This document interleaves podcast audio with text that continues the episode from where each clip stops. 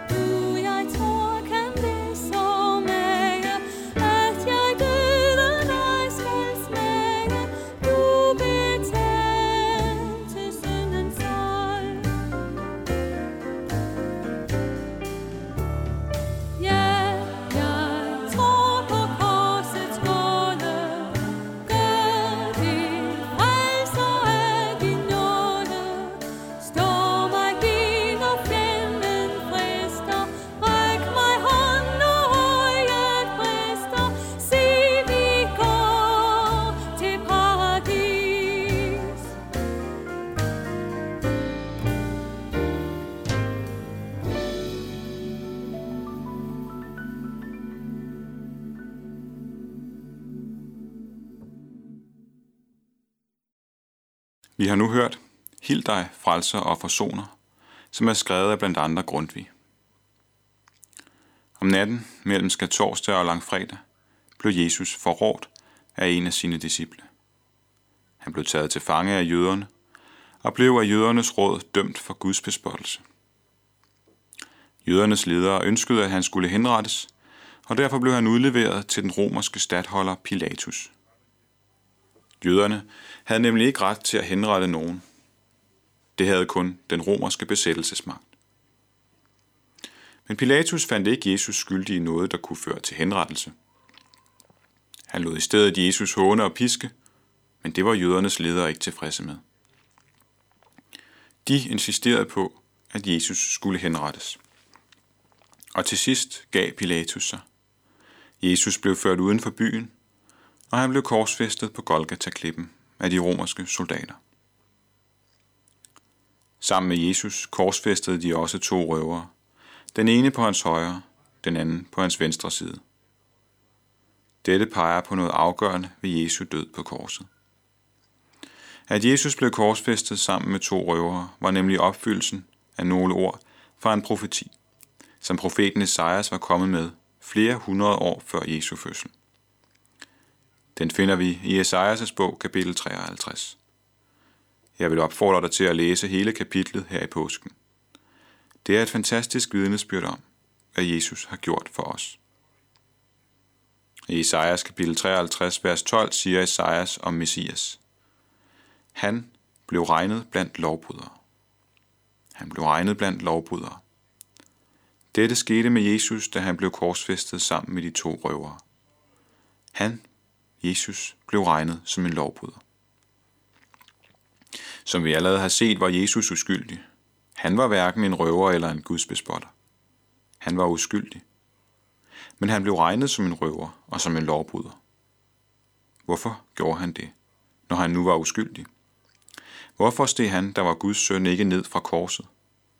Ja, hvad var meningen med korset? Hvis vi læser lidt videre i Esajas' profeti, finder vi svaret. Han skriver nemlig i kapitel 53, vers 12. Men han bar de mange synd og trådte i stedet for syndere. Jesus bar de mange synd, og han trådte i stedet for syndere. Det var grunden til, at Jesus lod sig blive regnet blandt lovbrydere. Og dette er løsningen på korsets gåde.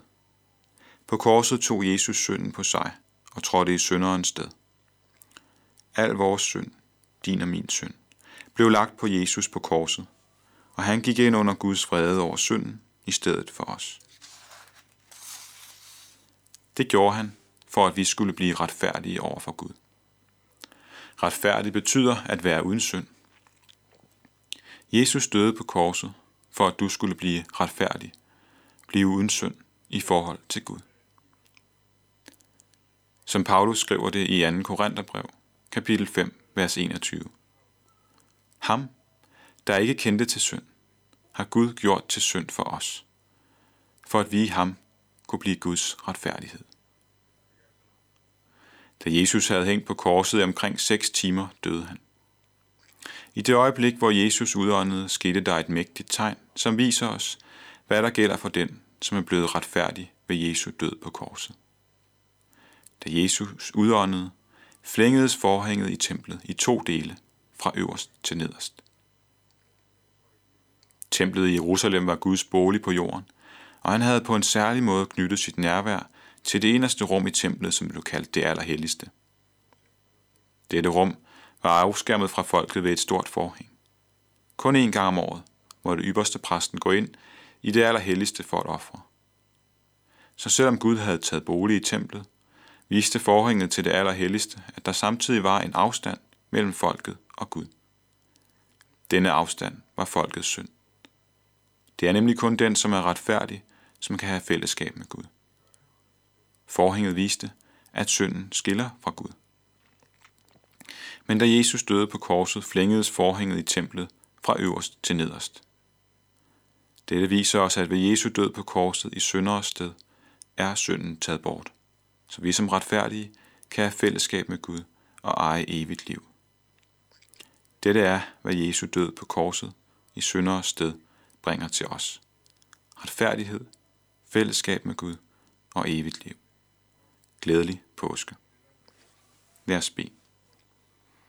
Tak, Herre Jesus, for din død på korset i synderes sted. I vores sted. Tak, at du der tog hele verdens synd på dig, selvom du var uden synd.